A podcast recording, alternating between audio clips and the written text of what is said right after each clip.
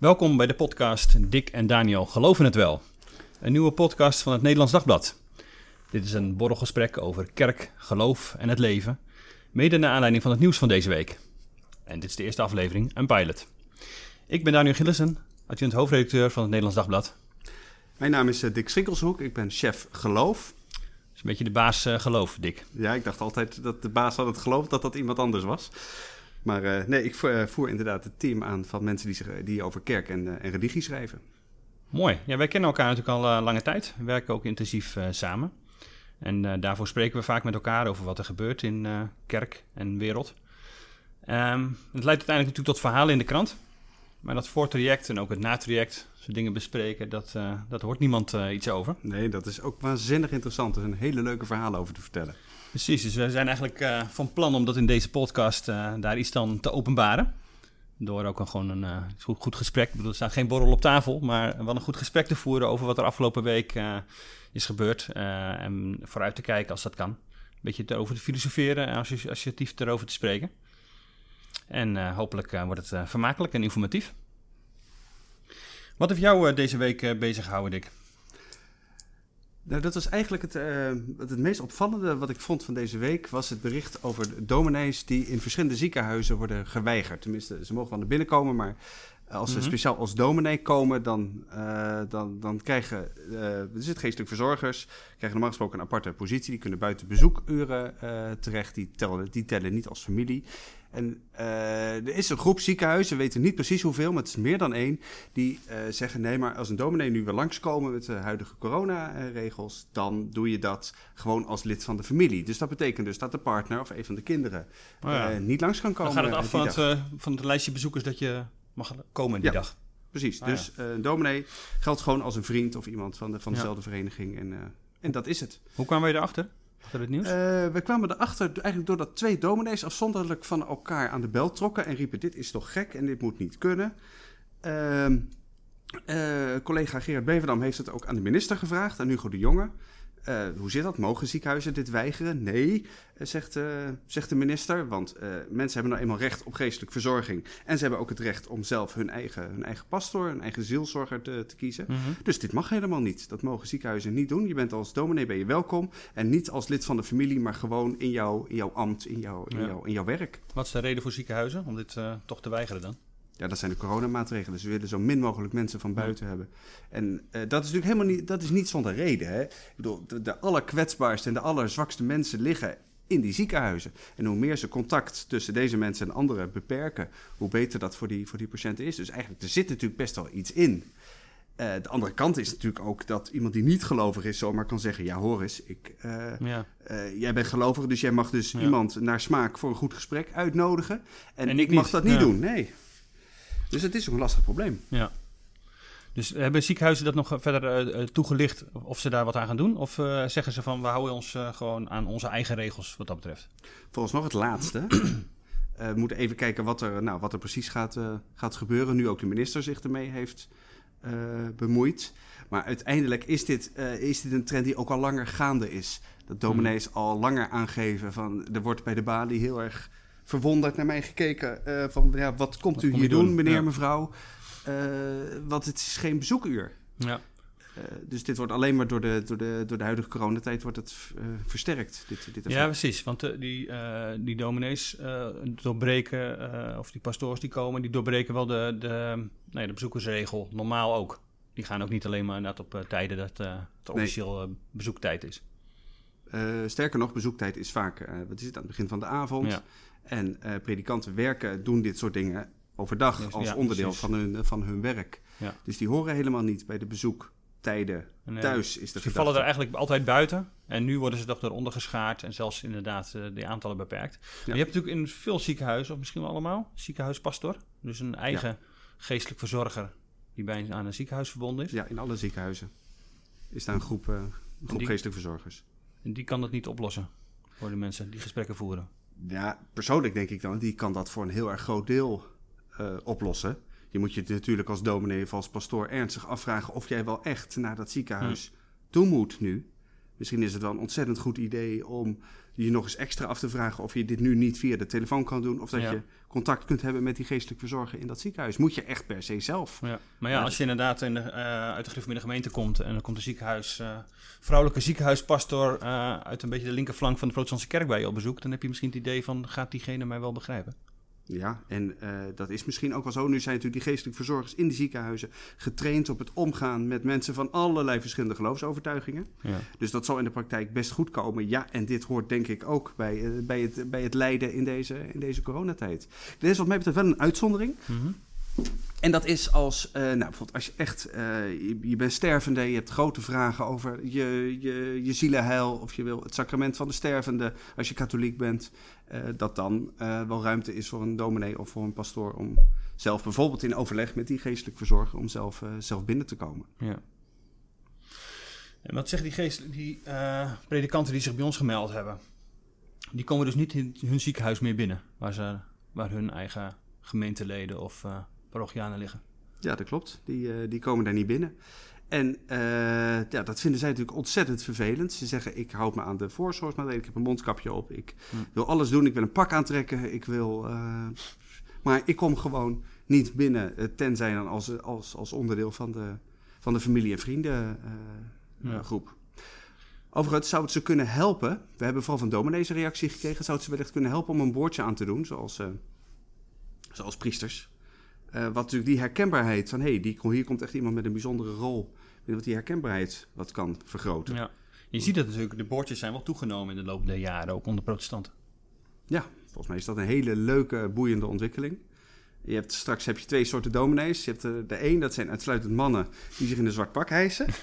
en eh, die op een bepaalde manier in bepaalde delen van het land daarmee ook, heel herkenbaar, zijn. ik. Ja, precies. Dus ik bedoel, Ja. dit is ook absoluut ambtskleding. Ja. Daar hoef je geen groot logo van jouw kerkgenootschap op je rug eh, voor, te, voor te dragen. En, eh, en de andere groep die een boordje eh, draagt. Ja, Dat, ik vind het een leuke ontwikkeling. ja. Zorgt voor de herkenbaarheid.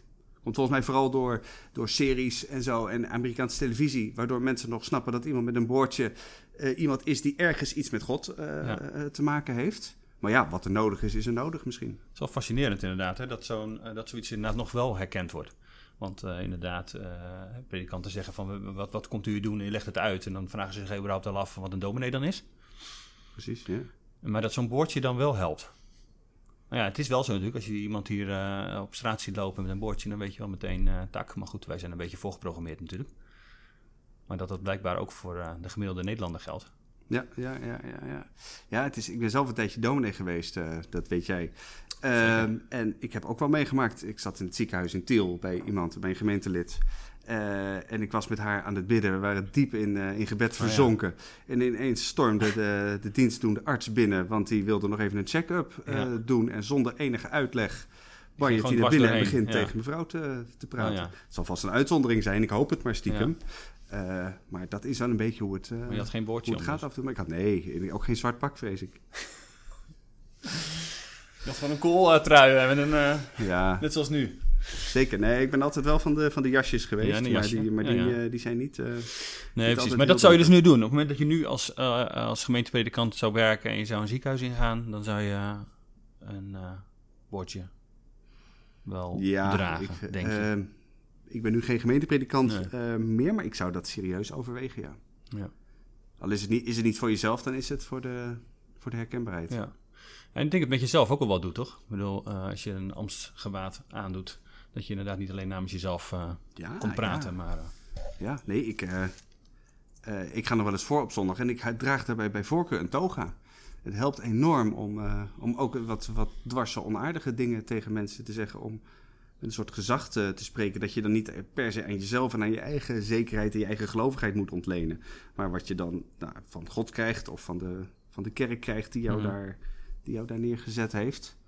Eh, nee, ik vind het, het nut van een, van een toga bijvoorbeeld op, op zondag eh, is evident. ja. Ik merk dat de kinderen er altijd, als je zo'n kinderpraatje doet, er enorm van schrikken van zo'n Ja, grote zwarte jas. Ja. Maar in zo'n in zo'n in Ja. zo'n zware jurk. En in de zomer is het ook niet altijd aangenaam. Maar het heeft absoluut zijn functie. Ja. Wat vind jij daarvan eigenlijk? Ben jij, uh, ben je dol op dominees in toga en, uh, wat is het, en priesters met, uh, met hun Ja, eigen ik vind liturgische die- gewaden? Ja, ik hou wel van die eh, ja, liturgische kleding, eh om even te zeggen. Dat is, eh, het geeft wel meer eh, uitstraling, meer cachet. Inderdaad, niet dat het de, buurman is die iets tegen je zegt, maar dat het een, eh zou ik het zeggen, een van God gezondere is inderdaad die, eh, die, die, die spreekt. En ik denk dus daarmee dat het de zeggingskracht van wat iemand te zeggen heeft, eh, dat versterkt. En ik vind het ook wel heel mooi dat je. Ik snap dat, dat je als geestelijke niet continu op straat eh, als geestelijke ge- gezien wil worden. Maar op het moment dat je dat wel wil, of juist daarvan. Hè, dus Ja, eh, met ja. pastoors en zo zie je dat toch eh, meer. Dat ze ook ongeveer in hun, nou ja, in hun vrije tijd nog niet. Maar in, over het algemeen, als ze gewoon eh, nou ja, naar het ziekenhuis gaan en eh, ze zitten op hun fiets, dan eh, hebben ze een bordje om. En dat doet wel wat, denk ik. In ieder geval bij mij. Ik vind die uitstraling wel, eh, wel mooi. Dat als je die een eh, politieagent eh, treft en dan Ja. ben je toch iets meer... toch, het dringt sowieso een soort respect af, zeg maar. Maar je vindt niet bijvoorbeeld in de kerk dat als een dominee zo'n, zo'n, zo'n of, een, of een priester of ja, Mhm. wat ook een voorganger zo'n gewaad aan heeft, dat dat de afstand vergroot. Dat je het gevoel hebt, hé, maar hier wordt een drempel opgeworpen en nu, nu kom ik er niet meer bij. Of nu ko- kunnen mensen Ja. die niet zo vaak in de kerk komen, die, die, die ervaren dat als een hindernis. Ja, of zo. ik heb het idee dat dat dus inderdaad totaal verschillend beleefd wordt. De een vindt het echt een drempel. En heel vervelend. En die denkt, eh, doe nou maar gewoon je houthakkers eh, shirt aan en eh, stroop je mouw een beetje op. En eh, ja, je bent een gewoon mens. En ik wil dat, eh, vooral dat eh, spreekt mij aan. En daardoor leidt het niet af of zo. Dan staat er een gewoon mens voor me.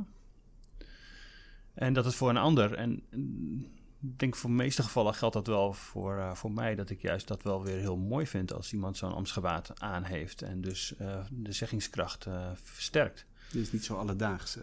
Ja. Ja. En, eh, maar het hangt, ja, je weet natuurlijk dat het totaal van de setting afhangt. Als je inderdaad een uh, Rooms-Katholieke kerk binnenloopt, eh, dan, eh, dan, eh, dan weet je dat daar iemand eh, met een eh, liturgisch eh, gewaad eh, heeft. En, eh, en als, het, ehm, eh, als je een evangelische kerk weer binnenkomt, is dat anders. ja. hey, wat, eh, wat heb jij wat jij voor ons wil, eh, met ons wil bespreken, Ja, eh, Daniel? eh, de actie Kerkbalans eh, is weer begonnen. Dat is een enorme Ach ja. geldwervingsactie. Hè? Jij, We zullen eh, moet geld geven hè, aan de kerk. Precies, we kennen dat wel. Ehm tenminste, de meeste, als het gaat om de protestantse kerk, Rooms-Katholieke kerk, zijn twee de grote kerkgenootschappen die daar mee niet alle kerken doen mee hè, met, eh met kerkbalans. Nee, niet alle kerken doen er mee. Dus de, eh, veel gereformeerde kerken hebben gewoon een eigen manier van geld werven. Eh, en eh, doen dat in een eh, is het een vaste vrijwillige bijdrage. Of eh, laten het gewoon eh, via de collecte doen. Of laten mensen gewoon vrijwillig eh, hun eh, geld over, eh, overmaken.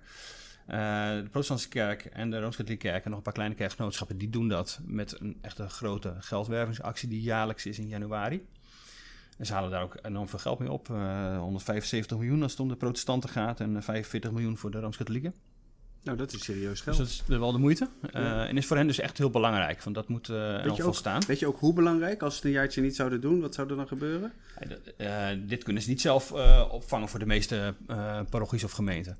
Eh, die zullen dat, eh, kunnen dat niet missen. Dat is gewoon hoe, waar zij ook eh, al hun uitgaven mee betalen dit jaar. Natuurlijk hebben ze daar een, vast een, een reservepotje voor om sommige dingen te kunnen opvangen. Maar als het gaat om predikanten of pastoors of eh na het onderhoud van gebouwen en al dat soort dingen, ook daar wordt wel voor gecollecteerd. Maar dat is maar een heel kleine eh, bijdrage doorgaans. Eh, En hebben we eigenlijk een idee hoe dat nu, hoe dat nu uitpakt? Hè? Het is coronatijd, mensen Ja. zien hun kerk niet, de afstand wordt veel groter. Ja, de recente cijfers zijn er dus nog niet. En de kerken niet zo heel eh, snel mee. Dat is elke keer vervelend. Wij journalisten willen ook elke keer gewoon snel die cijfers hebben. En is dat een irritatiepuntje dat dat van, van anderhalf jaar geleden is als je die krijgt. Ehm, ze zijn er wel iets beter in geworden. Dus ik hoop dat we ergens in het voorjaar of voor de zomer eh ze iets over 2020 kunnen zeggen. Maar wat, wat schat je in? Is het, is het rampzalig? Of? Ja, kijk, ik denk, maar dat is een soort inschatting, weet je. Eh, je denkt ergens van, eh, als de kerk zegt, jongens, je moet er wel blijven geven. We hebben geen collectors meer, dus, eh dus blijf wel geven. Er zijn er echt een, een hoop mensen die die, die, plicht, echt die roepstem horen, zeg maar. En hun geld gaan overmaken. Maar ik denk dat ook voor veel mensen geldt dat de band op dit moment met de kerk weer wat losser is. Ja, precies. Dus ja, dan op het moment dat je niet elke week naar de kerk gaat, of de livestream kijkt, of wat dan ook, dat dat betekent ook dat je daar wat losser van eh zingt. Ja, hoe, de, hoe, hoe doe je dat zelf? Hoe is jouw band met de kerk eh, Ja. het, af- het afgelopen jaar? eh? Ja, in, de, in, de, in het weekend dat de kinderen bij mij zijn, kijken we altijd eh, Beam. Dus ik ben de Beam kerkdienst van, Van de, de EO EO. is dat, eh, hè? ja, Ja. precies. Met Joram Kaat. Gewoon echt, een, eh, echt heel goed voor kinderen. Het is een, eh, een half uur. En eh, met, een, eh, een goede boodschap. En eh, er wordt eh, gezongen. Eh, en he- daar heel, dus heel laagdrempelig om in te stappen. En ik merk dat dat eh, ook qua tijdstip uh, overigens 11 uur is eh, toch een andere tijd dan half tien. Wat ik eh nog eens gewend was eh, met, als het op zondag naar de kerk ging. ja, eh. precies. Eh, dan moet je toch iedereen vroeg uit zijn bed timmeren. Maar, eh, dat, maar Beam is, dat was niet jouw kerk van... En je kunt niet via kerkbalans aan Beam geven. Nee. Nee, ik kan wel aan Beam geven natuurlijk. Eh, en ik kan ook wel aan kerkbalans geven. En zal dat ook zeker, eh, zeker doen. Uh, maar de betrokkenheid met, uh, en dat zie je van mij meer, kijk, het onderzoek um, uh, van kerkbalans. Ja, want ze, ze, ze, doen ieder jaar een onderzoek. Ja. En, En dit eh, jaar weer? Ja, wat, wat ja, eruit? eruit- wat eruit komt, ik vond het eigenlijk wel een beetje een zekere mate van open deur. Dat de meeste mensen vooral het zingen dus missen. Hè. 45% van de 2000 respondenten die, die zegt dat zingen missen we. Ja. En daarnaast het fysiek bij elkaar komen, 34%. En ontmoeting met medekerkleden, 28%. Dat zijn dingen die echt uh, gemist worden. Dus blijkbaar is de band met, uh, met God er nog wel, want wordt dat niet gemist. Um, er hebben veel mensen dus de kerk niet voor nodig, blijkbaar. Blijkbaar, ja. En dat is natuurlijk wel super spannend. Van hoe, hoe gaat dat hoor? Uh, hoe ontwikkelt zich het voor lange termijn? We zijn nu een jaar, uh, bijna een jaar uh, na dat stilleggen van kerkdienst. En natuurlijk iedereen is nog wel eens een keertje geweest. En misschien sommigen wel, nog wel wat vaker. Maar uh, dat is toch behoorlijk afgenomen. En nu liggen we, zitten we natuurlijk weer in, uh, echt in uh, lockdown. Dus iedereen thuis blijven. Ja, want er mag nu zelfs in kerken, dat is althans een advies van de protestantse kerk, niet eens meer live gezongen Zongen worden door, een, Nee. door een muziekgroepje. Dus alles moet met opnames van wat is Nederland zingt en zo. Ja, en dat Dat maakt het rampzalig. Precies. Dat wordt natuurlijk wel heel ingewikkeld en een soort aan elkaar geplakte uh, bijeenkomst. En ik denk dat dat zingen.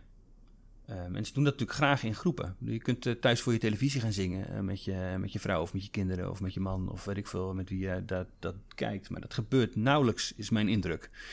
Misschien in een wat bevindelijke reformatorische kringen waar we een, überhaupt wat meer zingt, denk ik ook. Of na het eten of bij het orgel van mijn part.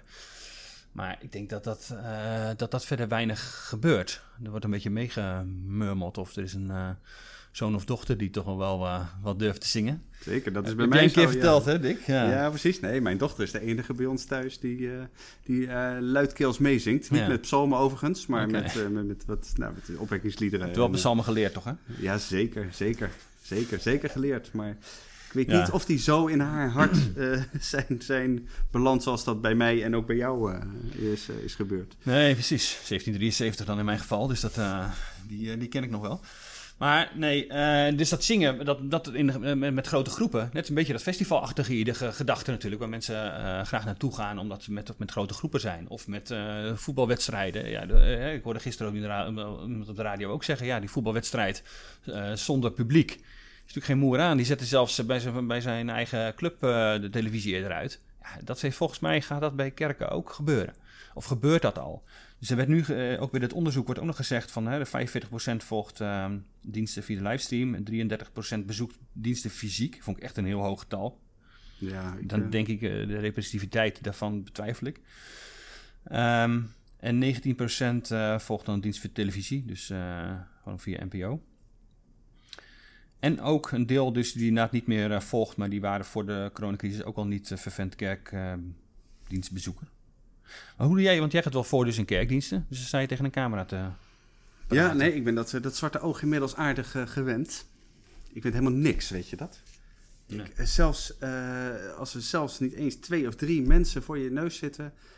Ik kan me heel moeilijk verplaatsen in wat er achter die camera gebeurt. mensen in huiskamers. Ik spreek ze heel bewust aan. Ik heb mezelf Mhm. aangeleerd om in die camera te kijken.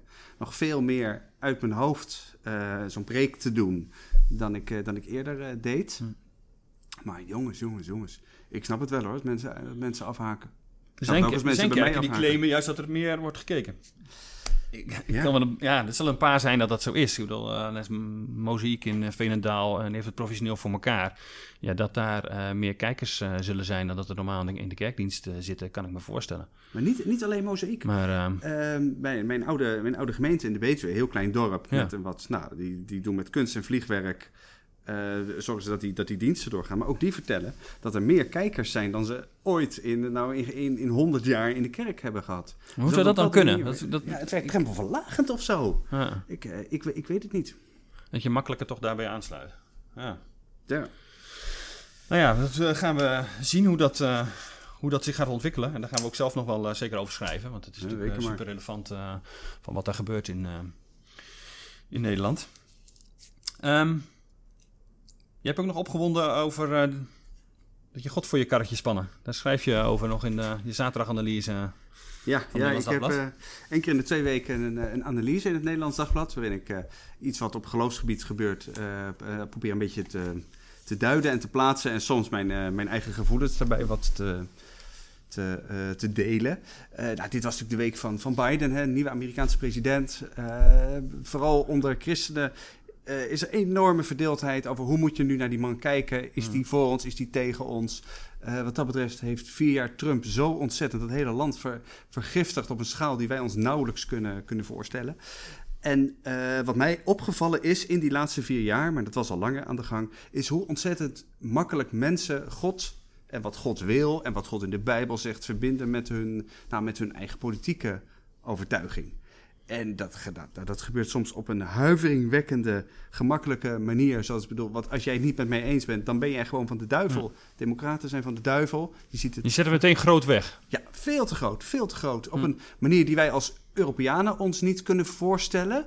Maar ook op een manier die volstrekt niks meer met christelijk geloof te maken heeft. Hm. Hoe vroom je het allemaal ook bedoelt, hè? dat vind ik allemaal best. Maar Maar weten we het zo goed? Denken we, of denken we het dus te, te goed te weten?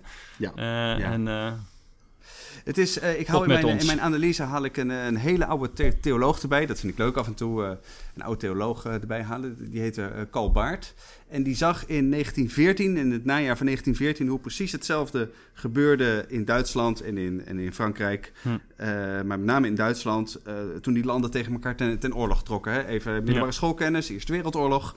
En eh, wat gebeurde er aan beide kanten? Die priesters en die, en die dominees die zegenden die legers. Die riepen tegen de soldaten en de generaals en tegen de keizer van... nee, maar wat jullie doen, dat is Godzaak. Dat is, eh, eh, het gaat goed. En Bart dacht, dit, dit, dit kan niet. Dit, Hm. dit, dit bestaat toch niet? Die, je moet je voorstellen dat Duitse legers, het, die, die, die trokken door België. Het heet niet voor niks de verkrachting van België, die, eh, die eerste paar, paar oorlogsweken. Werd, alles werd kapot huis, gemaakt. huis En de- gehouden werd er. ja, er werd enorm huis gehouden. En die dominees in Duitsland zeiden: Hm. Nee, maar dit is, eh, dit, is, dit is wat God wil. Ja, Baart kwam ook uit het neutrale Zwitserland natuurlijk. Ja, dat zal hij ongetwijfeld hebben meegeholpen. Hij, eh, hij, was, hij was daar toen nog dominee, is later hoogleraar in Duitsland Ja. geworden. En heeft dus ook vervolgens die Tweede Wereldoorlog in de aanloop daar naartoe meegemaakt. En wat Baart eigenlijk zegt, is: eh, God is God. God past niet in jouw kamp. En je moet dat eerst snappen, je moet dat eerst helemaal tot je laten doordringen. Dat God de, de, de gans andere is. Eh, eh, nou, voordat je, voordat je iets kunt zeggen over geloof en politiek en over geloof en journalistiek en, en al dat soort dingen. Dat wantrouwen, vooral wantrouwen tegen jezelf, moet Hm. veel en veel en veel groter zijn. En hij heeft dat twee keer in zijn leven Ja. zien, zien misgaan. Ja. ja, dus hij... Maar eh, kritiseerde dan vooral de Duitsers, zeg maar. Dat toch de, nou ja, de aanvallende agressieve partij in, eh, in deze. Ik bedoel, je kan je voorstellen dat als je aangevallen wordt... Dat, dat je inderdaad bidt om verlossing en toch wel gelooft dat God aan jouw kant staat. Want jij wordt, bent nu eenmaal degene die aangevallen wordt. Zo zal er in de Tweede Wereldoorlog ook door Nederlanders gedacht zijn. Je verlost ons van deze tirannie. Ja, nu is een gebed denk ik nog wel anders dan, dan roepen dat God aan onze kant Ah, staat. ja, precies, ja. Daar zit een verschil. Nee, en dat was bij Baart ook zeker zo. Hij, eh, Dus vragen om verlossing is nog niet zo. eh, dat, dat, dat, Dat mag altijd. prima. Ja, precies. Nee, je mag, je mag, je mag altijd bidden. En eh, zeker als je daarmee maar, maar openlaat dat, eh, nou, dat God vooral maar moet doen wat, eh, wat God zelf goed dunkt. Hmm. Eh, maar uiteindelijk gaat het bij Baart ook de andere kant op. Dus pas altijd op als je zegt, eh, wat ik doe, dat is de wil van God. Niet doen. Eh, nou, kruip eerst door het stof En iedere keer als je denkt dat je het moet doen, als je denkt dat je namens God iets moet zeggen in de wereld, de, nou ja, het is, heroverweeg het minstens tien keer. Hm. Maar we willen natuurlijk als mensen het graag concreet maken. Ik bedoel, wat Baart zegt is, is, uh, klinkt natuurlijk uh, theologisch allemaal mooi, maar je denkt, ja goed, wat heb ik er aan? Zeg maar. Wat doet dat nou in mijn, in mijn leven dan nu? Want ik inderdaad, nou ja, trek ten strijde, in het geval waar, waar hij over schrijft. En in veel gevallen is het ook hoe het in je dagelijks leven gaat. Je komt tegen bepaalde dingen te maken en daar hoop je ergens dat God jou bij wil helpen. Ja, dat, is, dat, dat, blijft, dat blijft een enorm dilemma. Dat blijft, een, uh, dat blijft ook een, een, een, een, een zoektocht. Ik denk dat je dat van mensen als, als, als Colbaert kunt leren. Dat het leven is niet zo simpel. En uh, het is niet altijd helder wat Gods wil is en wat Gods wil niet is. Doe wat je hand vindt om te doen. Denk er duizend keer over na. Laat je corrigeren door mensen om je heen. Uh, sta altijd open voor, voor de mogelijkheid dat het anders kan zijn. En dan, ja, en dan God zegende de greep. Dan ga je ook handelen. Hm. Dan, dan moet je dapper zijn, maar niet met van die grote woorden. Nee, vooral die grote woorden, daarvoor uh, uitkijken, is zijn boodschap. Ja, dat, uh, en die zouden we, dat zouden we de, in deze tijd, want we zien het in Amerika heel erg gebeuren, maar ik zie het eigenlijk in Nederland onder christenen net zo goed gebeuren. Die zouden ja. we, we zouden eigenlijk wel een nieuwe baard uh, mogen hebben, wat dat betreft. Gaan kijken of die gaat opstaan. We hebben in ieder geval wel een nieuwe katholieke lijsttrekker, hè? Ja, met ja. Uh, Lilianne Ploemen. Precies, de Partij van de Arbeid uh, doet nu ook mee uh, in het lijstje. Met, met een kaartje. ja, precies. Nou, wat dat betreft valt mij wel op dat, dat er steeds meer lijsttrekkers zijn van, nou, van niet-christelijke partijen, om dat maar even zo te zeggen, die op een bepaalde manier uitkomen voor hun ja. gelovigheid. Al is die niet altijd even orthodox en rechtzinnig in de ogen van sommige christenen, maar het taboe erop is echt totaal weg volgens mij. Ja, want ze vinden het volstrekt logisch om daarover te praten. En dat ze lid is van de, van de Rooms-Katholieke Kerk. Dat, uh, dat, dat steekt ze niet op een stoel of banken. Ja, want vertel even, hoe zit het met het geloof van, van Ploemen? Ja, nou ja, ze vindt in elk geval, uh, ze zegt daarover, uh, moet ik even dat erbij pakken. Ja, we hadden het verhaal in de krant hè, Ja, van, Precies. van Gerard Beverdam, onze collega in Den Haag, daarover. Dat, nou, wat, wat Ploemen precies is. We hebben haar ook wel eerder geïnterviewd. Ja, en zij zegt inderdaad in dat interview uh, wat we twee jaar geleden hebben gehad...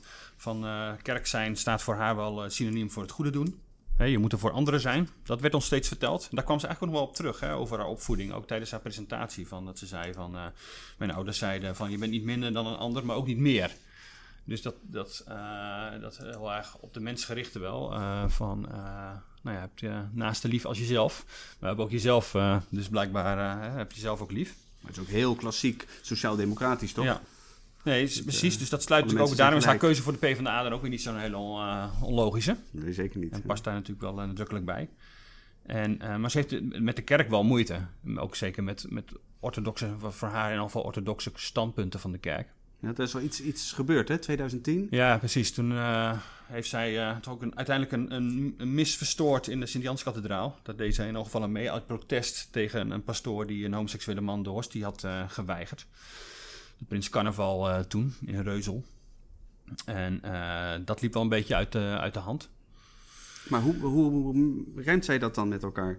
Haar, haar, haar geloof, haar katholiek zijn, gewoon overduidelijk gewoon lid zijn en blijven van die katholieke kerk en, en dit soort anti-acties. Ja, nou, ze vindt het gewoon in afval belangrijk, dus dat de kerk mensen niet, uh, niet, niet uitsluit. En ze wil dat heel inclusief uh, laten zijn en het geloof ook heel inclusief laten zijn. En uh, dat is vooral wat zij wil benadrukken. En ik kan me ook wel voorstellen op zich, hoor. kijk, het is natuurlijk ook best wel stevig. Je ziet het ook in allerlei andere kerken natuurlijk. we hadden het net over grote woorden. Um, ja. En dat is hier ook wel een beetje, dat je op het moment dat je zelf, jij als pastoor zegt, ja, ik vind jouw levenswijze strookt niet met, volgens mij, met de Bijbel, dus ik hou je buiten, de, ik hou je van de Eucharistie of ik reik je de hostie niet uit. Dat gaat wel vrij ver en ik kan haar opwinding daarover best wel voorstellen. Kijk, de SGP noemde dat toen nog crimineel, die hele actie van haar toen, en daar werden, nog wat grote woorden over gesproken. Maar uh, ja, ik vind het wel, wel logisch op zich dat mensen daar zoveel opgewonden hebben. En je ziet natuurlijk ook nog wel dat, dat er gewoon andere kerken dat op die manier doen. En hoe ver ga je daarin? Ik weet niet hoe jij daarin staat. Maar... Nee, ik vind het een heel vind het een moeilijke vraag. Ik wil, denk ook dat ik het eh, in die zin. eh, kijk, weet je, je moet. eh, zeker wat ik net geroepen heb, natuurlijk. Hmm. Als je open staat voor het. eh, Nou ja, voor.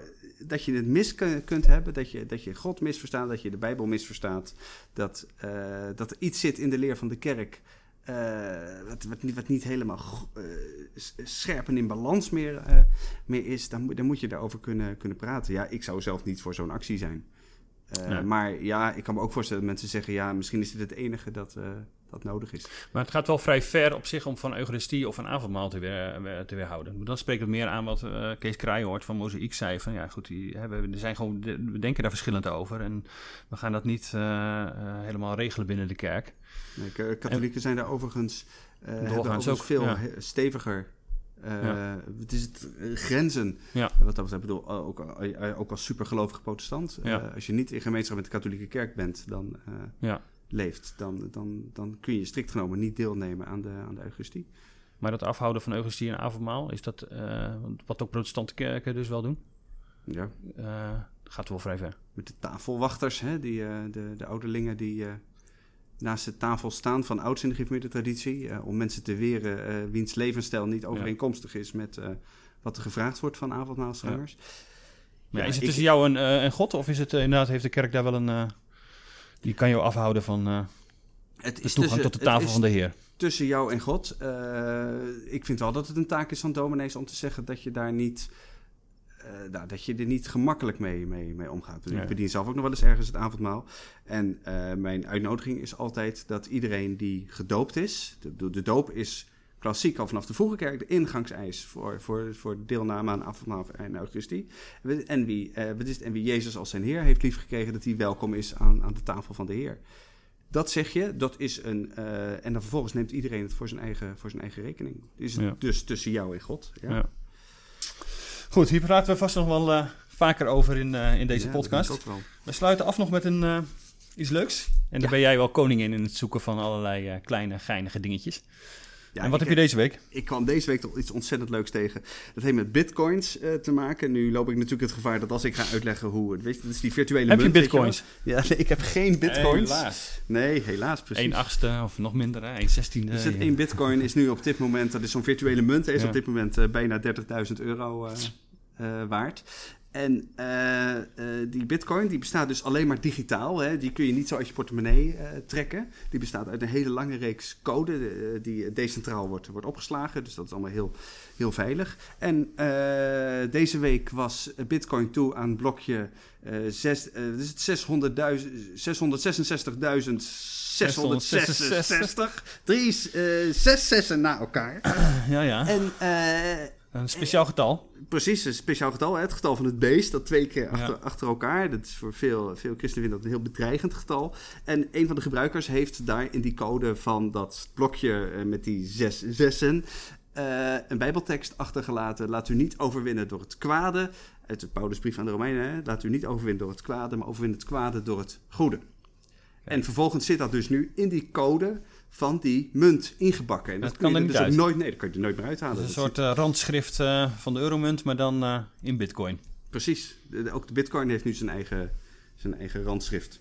Overigens zijn dit soort grapjes al vaker uitge- Ja. uitgehaald. Nog niet met bijbelteksten bij mijn weten. Maar onder meer heeft iemand een geboortekaartje op die manier van zijn kind eh, in, eh, in bitcoin erin, ge- in gebrand Ja. in, de, in de code. En ook een huwelijk schijnt ooit aangekondigd te zijn. En er schijnen ook wel meer citaten her en der eh, verstopt te zijn. Leuk. Nou, bedankt eh, Dick voor dit gesprek. Bedankt voor het luisteren. En tot volgende week of over twee weken.